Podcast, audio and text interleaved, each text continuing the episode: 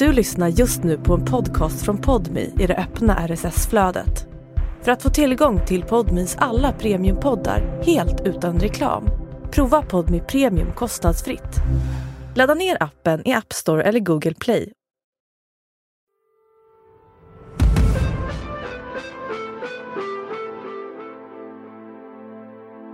Historien om när fyra personer stod åtalade för illegal vargjakt i Västmanland innehåller verkligen alla komponenter som en true crime-entusiast kan önska sig. Hämndbegär, förgiftat kött, anstiftan till mord, chanterade bevis, en uppretad miljardär och kanske en konspiration. Den här åklagaren var inte bara en anonym åklagare, hon heter faktiskt Åse Schult, kött och blod. Det skapade nog ont blod. Räven analyserades och det konstaterades att den innehöll cyanid. Jag ser det bara som ett rysligt oskickligt polisbeteende. Han är en man med resurser och han är svårt förbannad. Va? Så precis allt och lite till. Jag vill inte säga vad jag tänker. Utan jag förstår inte. Det finns inget, inget rationellt skäl att, att agera på det här viset. Men det är en rätt viktig detalj som saknas. De döda vargarna. Du lyssnar på Podmi Dokumentär om miljardären och varghärvan. En serie i tre delar om när den framstående industrimannen Karl Hedin pekades ut som ledare för ett hemligt nätverk med målet att utrota vargen i Sverige. Podden görs exklusivt för Podmi och jag heter Klara Wallin. Det här är första delen. Jag vet ju inte vad ni kallar det i riktiga termer, men det är ju gällande alltså, jaktbrott där man organiserat och planerat ta bort rovdjur. Och då är ju vargen främst då. I juni 2018 förhörs en 47-årig kvinna bosatt i Norberg i Västmanland av två poliser. Kvinnan, som vi kan kalla Pernilla, berättar om den illegala jakten på och förgiftningen av vargar som pågår i hennes närområde. Det de anser ska bort, det försöker de ta bort. Och den som är drivande i arbetet med att utrota varg är inte vem som helst. Utan en person som tagit emot kunglig medalj ur prins Carl Philips hand. Vad betyder det att få en sån här utmärkelse? Ja, man blir uppmärksammad. Det var roligt. Och som återfinns på listan över Sveriges 100 rikaste personer. AB Karl Hedin har gjort en fantastisk resa som företag. Från skogsbruket och sågverksindustrin på 20-talet till dagens fem sågverk, 42 bygghandelsanläggningar och sju emballagefabriker runt om i Sverige. Jag vet inte riktigt var jag ska börja men, men det är ju en ganska känd människa i våra trakter som har skrivit böcker i det här eh, ämnet. Också en framstående företagsledare, Karl Hedin. Då. Han har gett ut flera vargböcker och där, där framgår det ju ganska tydligt hans förhållning till rovdjurspolitiken överhuvudtaget. Och det är väl den han har försökt attackera där. Han har varit ute i landet och hållit föreläsningar när han har släppt de här böckerna i olika omgångar. Det är väl också ganska tydligt när han håller sina föreläsningar att han talar om för hela sin publik att ni kan inte räkna med någon hjälp från politiker och myndigheter utan det här är ett problem som vi måste ta och lösa själva, på egen hand.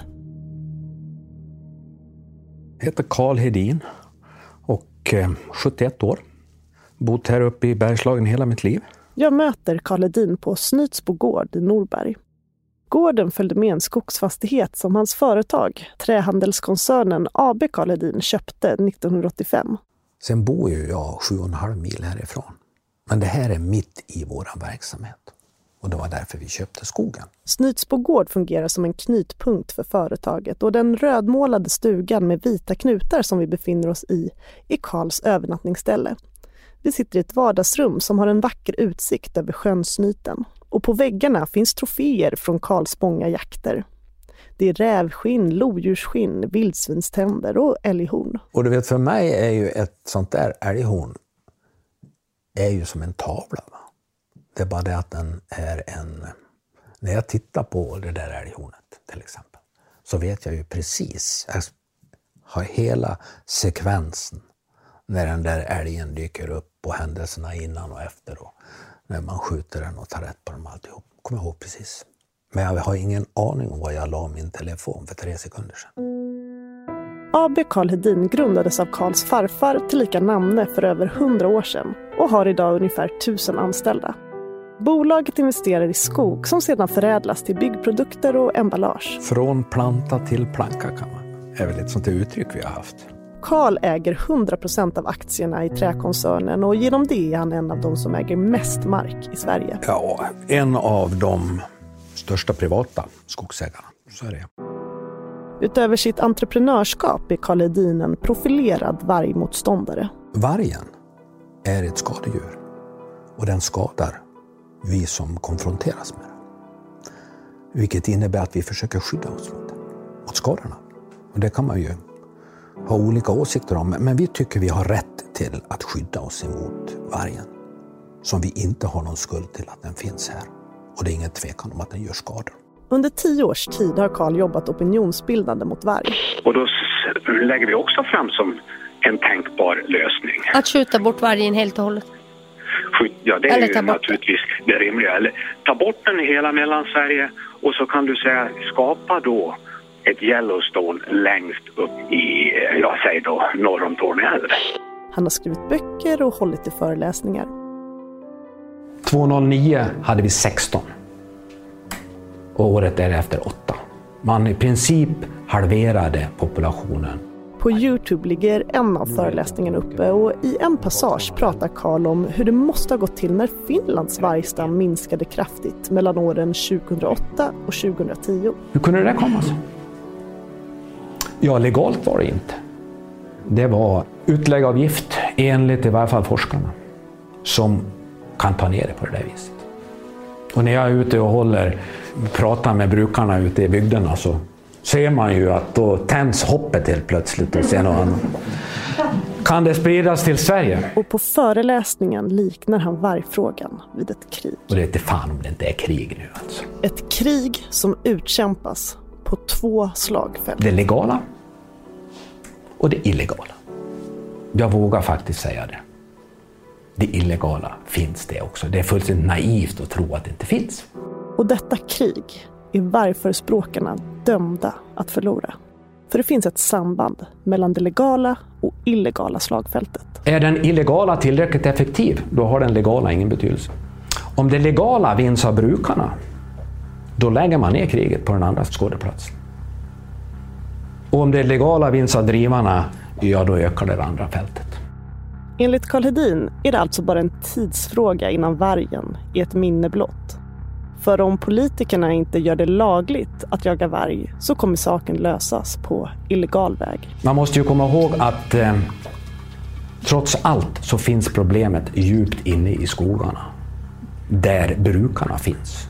Och det är 20-30 mil till närmsta polisstation. Det är naivt att tro att de ska klara sig.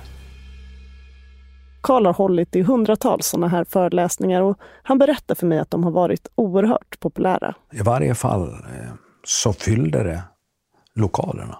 Vi har inte så mycket Globen här ute, men det var ett par, tre hundra människor. Beroende på hur stor lokalen var så allmänhet blev den fylld. Så de tyckte väl att det var intressant. Och så spred sig den rykten. Och så var det. Så jag har säkert hållit en 150 företag, skulle jag tro. Jag har inte räknat. Och det var ju för att sprida opinion. Den här vintern kan det bli storskalig jakt på varg i Sverige igen efter en paus. Vad, vad säger du om det? Om var fjärde varg försvinner i vinter? Ja, alltså det är, det är helt otänkbart. Under alla de här åren så har folk haft chans att sätta upp rovdjursavvisande stängsel. Frågan om vargens existensberättigande delar Sverige i två läger. När du sitter nu och argumenterar i den här frågan ja, men så talar du utifrån ett allmänt tyckande som en betraktare. Jag är djurvän. Och ja, du är djurvän, men det är jag också. Jag ja, precis. Och då finns det en djurskyddslag som ska säga så här att man måste skydda djur. Jag vill inte att fåren ska bli dödade. Där majoriteten av vargivrarna är stadsbor medan de flesta vargmotståndare bor på landet. Jag vill att vi ska ha en varg som vi kan leva med. Och då och hur måste ser den ut? Leva ska, i landsbygden. ska du gå i skola och lära sig att leva med människor menar du? du det låter ju så löjligt så att man, nej, men alltså, jag nej, tror inte det är sant. För 50 år sedan var vargen nästan utrotad i Sverige. Men i takt med att den har återhämtat sig så har motståndet mot den också ökat. Inom politiken är vänsterflanken generellt sett mer vargvänligt inställd än högersidan. Vi behöver ner åtminstone till runt 200 vargar. Hälften av vargarna ska skjutas av. Ja, man behöver Kristdemokraternas ledare Ebba Busch säger exempelvis i SVTs 30 minuter i februari 2022 att hon vill se en kraftig minskning av varg i Sverige.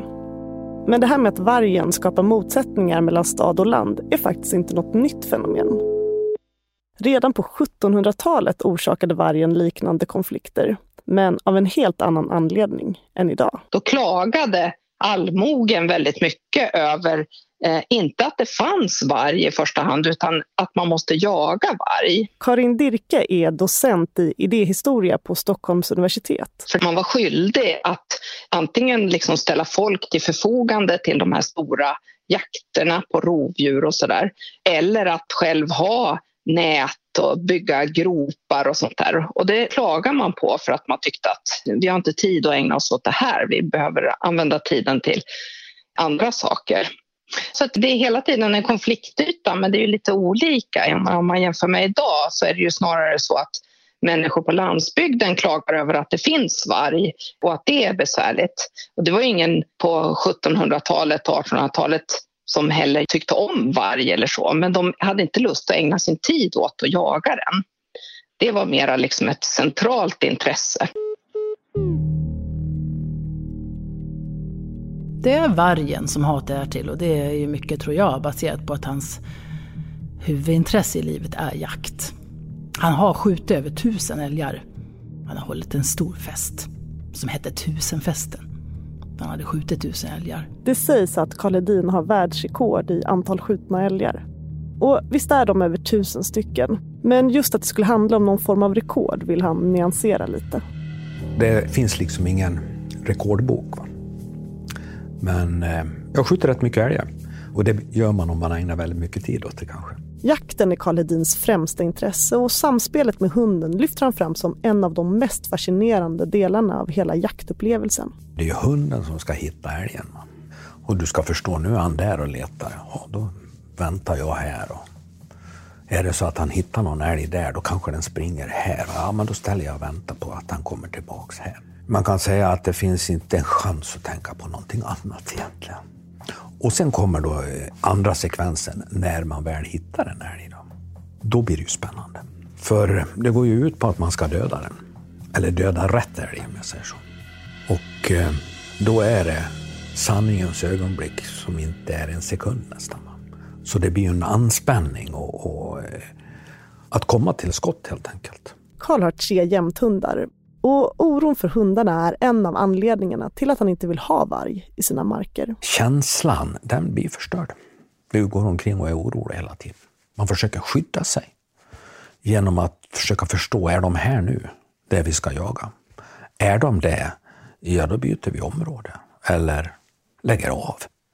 Eller möjligtvis går med hund i band och hojar i skogen. Men då, då är det liksom en förstörd jakt på sätt och vis. Så den har förstört rätt mycket av känslan för jakt. Vargar, det är ju inte längre bara vandrande djur. För under de senaste åren så har Västmanland fått två stycken nya vargrevir enligt Länsstyrelsen. Det är Skultuna-reviret som även täcker in halva Sala kommun och Norn. Nornreviret som är västra delen av Norbergs kommun och sen vidare upp i Dalarna. 2011 rapporterar P4 Västmanland om det nya vargrevir som etablerats i Norberg. De var inne i byn. De var sedda på lekplatser och gick efter folk som var ute med hundarna och sådär. Obehagligt. Och det är vid den här tiden som Pernilla menar att Karl engagerar män i området för att tillsammans hantera problemet. Och det har hon insyn i eftersom en av de som värvas till det hemliga utrotningssällskapet är hennes egen make. Och min karl var ju med på det på en gång. Pernillas man, som vi kan kalla Jakob, är rätt mallig över att ha blivit utvald av Karl till denna exklusiva skara. Ibland har de haft sina hemliga möten om det här. Jag vet inte, de träffas, en grupp. Oftast nere på Snydsbo gård vid Karl då. De här förtroliga som har, eh, är med på det här i vårt eh, område. Det är ju en jättegrej att komma och ange de här personerna för illegal rovdjursjakt. Anna som jobbar som kriminalinspektör på NOAs artskyddsgrupp är en av två poliser som förhör Pernilla den där dagen i juni 2018. Hon lämnade en fri berättelse. Så här berättar hon om mötet i rätten. Och jag behövde inte ställa så himla mycket frågor i det förhöret. Och under förhöret berättar Pernilla att det är inte bara vargen i Norberg som den hemliga gruppen vill utrota. De har större planer än så. Rörelsen ska sträcka sig långt utanför den västmanländska kommunens gränser. Alltså så att det skulle bli små självarbetande grupper, celler, ute i landet. Så att det här skulle bli ett självspelande piano till slut. Och för att få bort vargen ska de använda samma metod som i Finland. Och det var ju då, eh, ja det går ju att göra på olika metoder men eh, som han sa då, men gift var ju det bästa sättet. Det var att gifta dem. Pernilla berättar att Karl har överlämnat gift till henne och Jakob vid ett besök hos dem. Han eh, ringde och ville fråga om han fick komma hem till oss. Eller vi, eh, vi skulle träffas och då vart, vart förslaget vi hemma, att han kunde komma hem. Och då, då var det lite mer förtroligt samtal om det här med preparat. Om, man ville, om han ville ha eh, ha sånt där preparat, om man kunde tänka sig att använda det. Då. Och det kunde han ju naturligtvis, för jag vet att eh, Karl även sa att har du andra som du vet och kan lita på så du får gärna förmedla det här, det är ingen fara. Behöver du mer så är det bara att du säger till. Preparatet det handlar om är det förbjudna insektsgiftet karbofuran. Samma som hade använts när vargstammen decimerades i Finland. I alla fall så eh, åkte han därifrån och gubben han är ju på tå, han är jättestissig sådär och undrar, undrar hur vi ska få det där. Och han höll koll, alltid snoka om det kom någon och åkte förbi och, och la någonting i postlådan. Till slut kunde han inte hålla sig så han, eh, efter en stund, går han ner till brevlådan. Där ligger det. Under mötet ska Karl ha instruerat Jakob att blanda giftet i köttfärs och lägga ut i naturen och på så sätt förgifta deras stora fiende, vargarna. Men vad är det här för gift egentligen? Peter Bergqvist är strategisk rådgivare på Kemikalieinspektionen. Och eh, mest fokus på riskhantering av kemikalier inom de gröna näringarna. Och han berättar att insektsmedlet karbofuran inte varit godkänt i EU på länge, men att det illegalt har använts i Tjeckien för att döda uttrar. Det är extremt giftigt. det är en, en av de mest giftiga ämnena som man känner till. Insekticidämnen som man känner till. På frågan om det skulle gå att ta död på vargar med karbofuran svarar han. Ja, tveklöst ja. Det kan man nog. Alltså, karbofuran och den, överhuvudtaget den gruppen av ämnen är ju, är ju giftiga för alla ryggradsdjur och även fåglar. Det är välkänt. Så karbofuran skulle kunna ta död på en varg. Men enligt Karl Hedin själv är han inte alls förtjust i tanken på att använda sig av gift för att bli kvitt vargen. Vi kommer tillbaks till det där. Vi är rädda om våra hundar. Vi är rädda om våra familjemedlemmar, precis som du är rädd om dina barn. Och eh, det är inget kul om man inte vet om det ligger gift på markerna eller inte. När vi släpper dem lösa. Så jag tycker det är synnerligen obehagligt. Det är lika otrevlig känsla det som att det är varg där. Men 2012 hittas det faktiskt gift på Karl Hedins marker. Då handlar det om cyanid. Och då hittade man gift som var eh, blandat med djurfoder och kött och fisk. Och inte särskilt långt ifrån de här platsen där giftet anträffades hittades en död varg och en död räv. Det här är miljöåklagare Lars Magnusson. Och räven analyserades på ett laboratorium i Michigan och det konstaterades att den innehöll cyanid. Lars Magnusson jobbar på Riksenheten för miljö och arbetsmiljömål på Åklagarmyndigheten och det är han som får i uppdrag att leda utredningen mot Karl Hedin i samband med att Pernilla lämnar sina allvarliga anklagelser till polisen. Det här fallet är ju inte likt något annat fall, skulle jag vilja säga. På vilket sätt då? då? Nej, men det här framträder ju en bild av att man har organiserat sig och att man tillsammans med andra försöker systematiskt decimera vargens förekomst i det här området. Självklart letade polisen efter gift på Karl Hedins marker när de skulle utreda Pernillas anklagelser. Det fanns inga indikationer på att gift skulle ha lagts ut under hösten 2018. Då hade ju jakten påbörjats också så att det kanske är dumt att lägga ut gift då när en massa eh, jakthundar finns i skogen. Och vilken tid på året hittade man cyanid 2012? Det var under den så kallade hundförbudstiden, det var i juli, då man inte ska ha lösa hundar löpande i skog och mark. Enligt Pernilla är inte gift den enda avlivningsmetod som Karl Hedins grupp använder sig av för att döda vargar. De har också åtlar eh, ute. Nu vet ju inte jag alla ställen, men något ställe vet jag ju att de har åtlar då de försöker lägga ut slaktavfall och rester för att åtla. Och de har viltkameror också som sitter ute, så man ser ju när man har fått, främst varje dag, till det att de börjar äta vid åtlarna, att de kommer tillbaka. Och då kan man titta, är det ungefär samma tider och så. Och då, då kan man också sätta sig och passa, alltså skjut, eh, passkytte ute och försöka ta dem när de kommer till åteln. Och vad är då åtel? Ja, åtlar, då lägger du ut mat. Det är något som Karl Edin har stenkoll på. För att eh, sitta och vaka och skjuta dem som kommer dit och käkar som ska skjutas. Huvudsakligen är det gris. Men andra djur besöker det där också. Så när du lägger ut sådana här åtlar då, som man gör huvudsakligen under hösten, då, det är ju, man dumpar ju slaktavfallen egentligen. Och sen häller man ut andra grejer då för att jaga gris under andra delar av året. Men då kommer det ju räv, och korp, och havsörn och alla möjliga, allt som tillgodogör sig det där, inklusive varg. Va?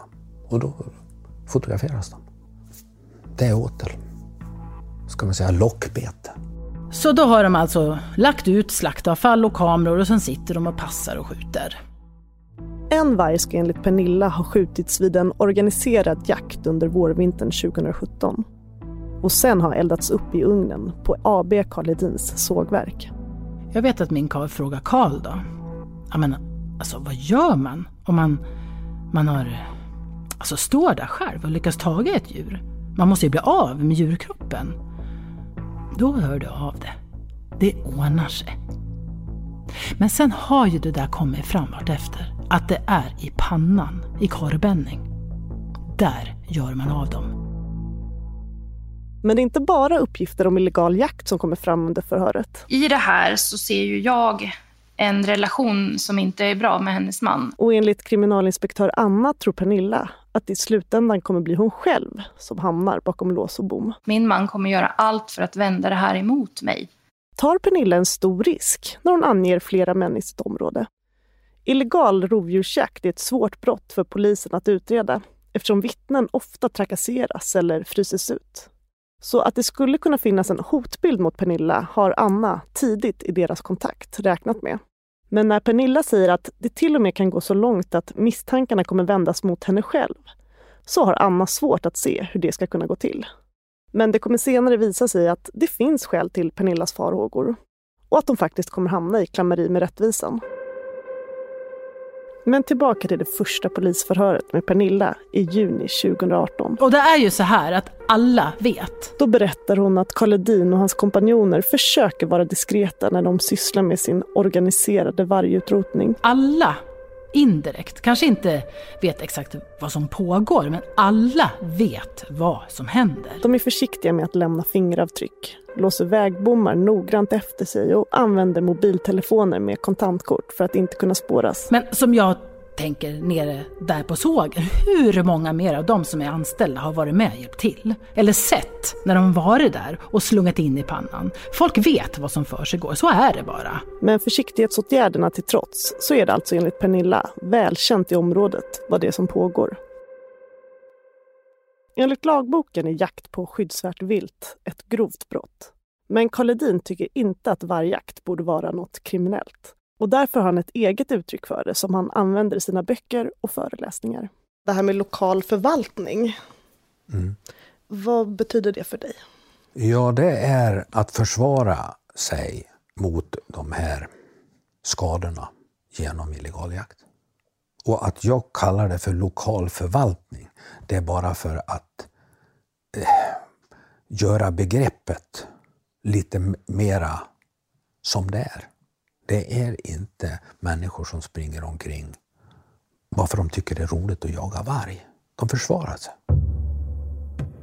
Under polisförhöret i Västerås förklarar kriminalinspektör Anna för Pernilla att polisen kommer behöva utreda hennes uppgifter närmare. Dina uppgifter kommer inte räcka utan vi kommer nu behöva jobba kring de vittnesuppgifter som du lämnar och styrka upp dem även på annat sätt. Vi hör Anna berätta om mötet i rätten. Och vi har ju gjort det genom eh, basstationstömningar eh, och ja, försökt liksom hitta uppgifter kring de uppgifterna hon har lämnat. Så efter förhöret med Pernilla inleder polisen en förundersökning och börjar spana på de misstänkta vargbekämparna. Pernilla förser polisen med bevismaterial, bland annat en köttklump som Jakob ska ha preparerat med gift. Och i jakten på sanningen använder sig polisen också av ett hemligt tvångsmedel. Telefonavlyssning är ju någonting som man eh, kan tillgripa om eh, man anser att det här brottet som eh, man utreder skulle så att säga må bra av att få en telefonavlyssning och om straffvärdet i, i det här enskilda fallet skulle kunna vara över två års fängelse. Så miljöåklagare Lars Magnusson, som blivit utredningens förundersökningsledare, låter polisen avlyssna Karl Hedins och hans bundsförvanters telefonsamtal. Från september till oktober avlyssnas alla Karl Hedins samtal och av dem anses 11 så intressanta för utredningen att de transkriberas. Ett av samtalen utspelar sig den 13 september och låter så här. De närmar sig med stormsteg nu, säger Karls vän. Jaså, svarar Karl. Ja, det gör de. Jaha, är det, är det synobservationer hela tiden? Jajamensan. Man undrar vad folk är ute i skogen och jagar för överhuvudtaget om man inte har en bössa med sig. Nej. Sitter och tittar på åtta vargjävlar och inte gör ett skit. Då är det något fel i huvudet. Ja, fy fan. Det är som man ryser, säger Karl. Den 25 oktober har Karl ett samtal med AB Karl Hedins skogsvaktare Robert som man kan ana handlar om vargar som fångats på åtelkamera. Tjena, vad heter det? Nu är de på åten igen och går igen. Det var soprent där nu. Säger Robert. Jaså, svarar Karl. Sen har de varit där tre gånger på en vecka nu, som jag har förstått när jag tömde nu då. Hur många då? Det verkar vara en som är... Försvann du? Nej då, jag hör dig. En som är riktigt stor och sen är det en som är lite mindre. Men den måste ju vara vuxen den också. Aha, okej. Okay. Så ja, nu verkar de ju vara där hyfsat stationärt igen. Mm. Jag tänkte bara ge lite info. Ja, vilken tid? De har ju varit två kvällar och en morgon och på kvällarna så har det varit ja, halv tio och tio. Det har varit kolmörkt alltså? Ja, och på morgonen så var det vid fyra. Okej. Okay. Jag har inte fått dem på bild samtidigt båda två, men det är ju, ja, det syns ju stor skillnad på dem att det inte är samma. Nej, mm. Som du ser så har jag fyllt på jätte, jättemycket där, så nu kanske det blir mer stationärt ändå. För nu var det helt slut på åten. Ja, men vad bra då. Ja, men då vet vi. Då får vi kanske fundera lite igen, säger Karl. Men det intressantast det är ju det samtalet som sker den 26 oktober 2018. Då hör de anställda på polisens avlyssning ett suspekt samtal mellan Karl och hans syster. Hej Karl! Hej! Vil vilken i ordningen sköt du nu? ja, jag har inte skjutit så många sådana där. Det var speciellt. Det är lite svårt att höra vad det egentligen är som sägs. Men efter att Karl och hans syster sagt hej till varandra ställer hans syster frågan Vilken i ordningen sköt du nu? Varpå Karl svarar Jag har inte skjutit så många sådana där. Det var en speciell grej.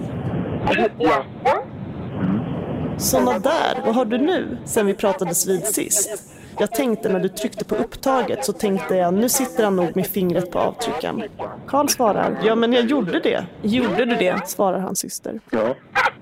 Jag skrattar ihjäl mig. Vad blev det då? frågar Karls syster varpå Karl svarar, nej, det var bara att vi, vi alltså var ute och gjorde pass, upptäckte att nu har vi besök. Så då ryckte vi ut ett gäng och bara stod och avvaktade. Och här har polisen svårt att höra hur Karl avslutar meningen. Nej, säger Karls syster förvånat och fortsätter. Alltså de var ute och tjuvjagade. Varpå Karl svarar, nej, det var gråben. Men systern hör inte riktigt vad han säger och frågar, vadå, det var... Det var... Eh... Då säger Karl, sådana där som vi brukar få på kameran. På det svarar systern, oj! Mm. Okej. Kungen alltså? Och Karl håller skrattande med. Ja, det var kungen.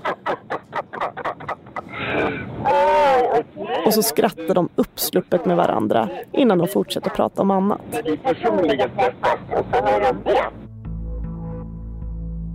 Man måste se det i sitt sammanhang också. Det har ju skett ett samtal tidigare med en gammal vän till Karl eh, Hedin. Där Karl Hedin säger till sin gamle vän att han står på pass, viskandes. Och på pass står man ju när man eh, jagar. Vi hör miljöåklagare Lars Magnusson igen. Och eh, sen så kommer ju det här samtalet då en stund efteråt när eh, Karl Hedin pratar med sin syster och i det samtalet så eh, framträder ju en bild av att eh, det passet han stod på var förmodligen ett vargpass eftersom han säger att han eh, tidigare hade fingret på avtryckaren, vilket då tyder på att han hade vapen med sig när han stod på pass, vilket annars är konstigt om man inte har. Och att eh, man var ute efter eh, varg, gråben. Och det uppfattar ju inte systern och hon undrar, vad, vad sa du? Sådana där som vi brukar få på kameran. Och det har ju funnits ett stort antal åtelkameror uppsatta i eh, markerna här och det har tagits bilder på varg bland annat. Och att man säger att man ryckte ut ett helt gäng också. Direkt när Karl lagt på efter samtalet med sin syster blir kriminalinspektör Anna informerad om att en mycket intressant konversation precis fångats upp. Hon beger sig genast till polisens avlyssningsavdelning för att med egna öron lyssna på samtalet. Tre, fyra, fem, sex gånger. Hon ringer sin chef och låter honom lyssna. Ingen ifrågasätter att det är vargjakt man har sysslat med. Samtidigt så går en person iväg och kort skriver ner vad som mm. hörs. Så att vi får ett papper i handen. Sen ringer Anna till åklagare Lars Magnusson och berättar att det jagas varg i Västmanland nu. Jag har frågat hur vet du det? Ja, man säger att man gör det. Ja, men vad säger man mer exakt? Och så lästes det ur anteckningarna då och eh, då gjorde jag den bedömningen att det här var åtminstone skälig misstanke om grovt jaktbrott.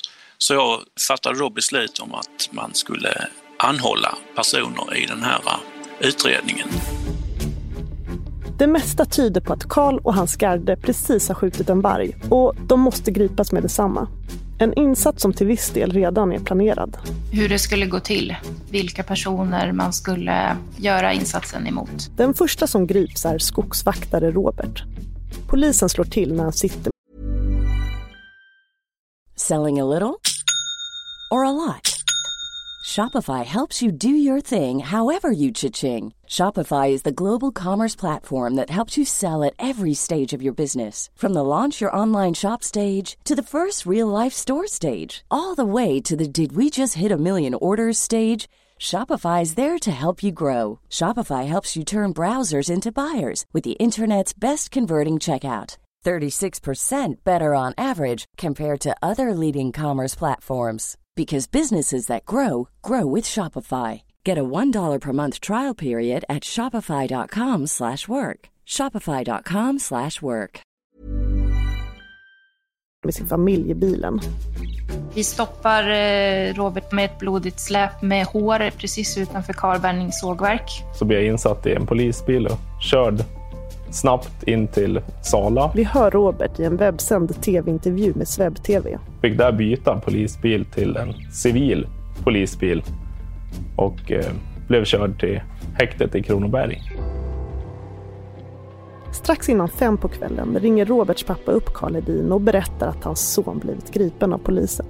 Och en stund senare är det Karls tur att konfronteras med rättsväsendet. Och så kommer det in en bil på gården strax innan vi ska äta knackar på dörren bara. Får jag komma in här och visar upp en sån här polisbricka? Ja, det får du väl. Kan vi gå in i köket? Ja. Det är inte vilka poliser som helst som hämtar Karl i sitt hem i Smedjebacken. Utan det är Sveriges yttersta polisiära resurs, Nationella insatsstyrkan. Och så visiterar han mig, farliga mig. Enligt polisens hemsida ska insatsstyrkan hantera situationer som är så allvarliga, ovanliga eller riskabla att de inte går att hantera inom den vanliga polisverksamheten. Huvuduppgiften är att bekämpa terrorism. Och sen tog de bara med mig och satte i bilen och körde de jävla blådårar 150-160 knyck. till Stockholm och stoppar in med en fyllecell.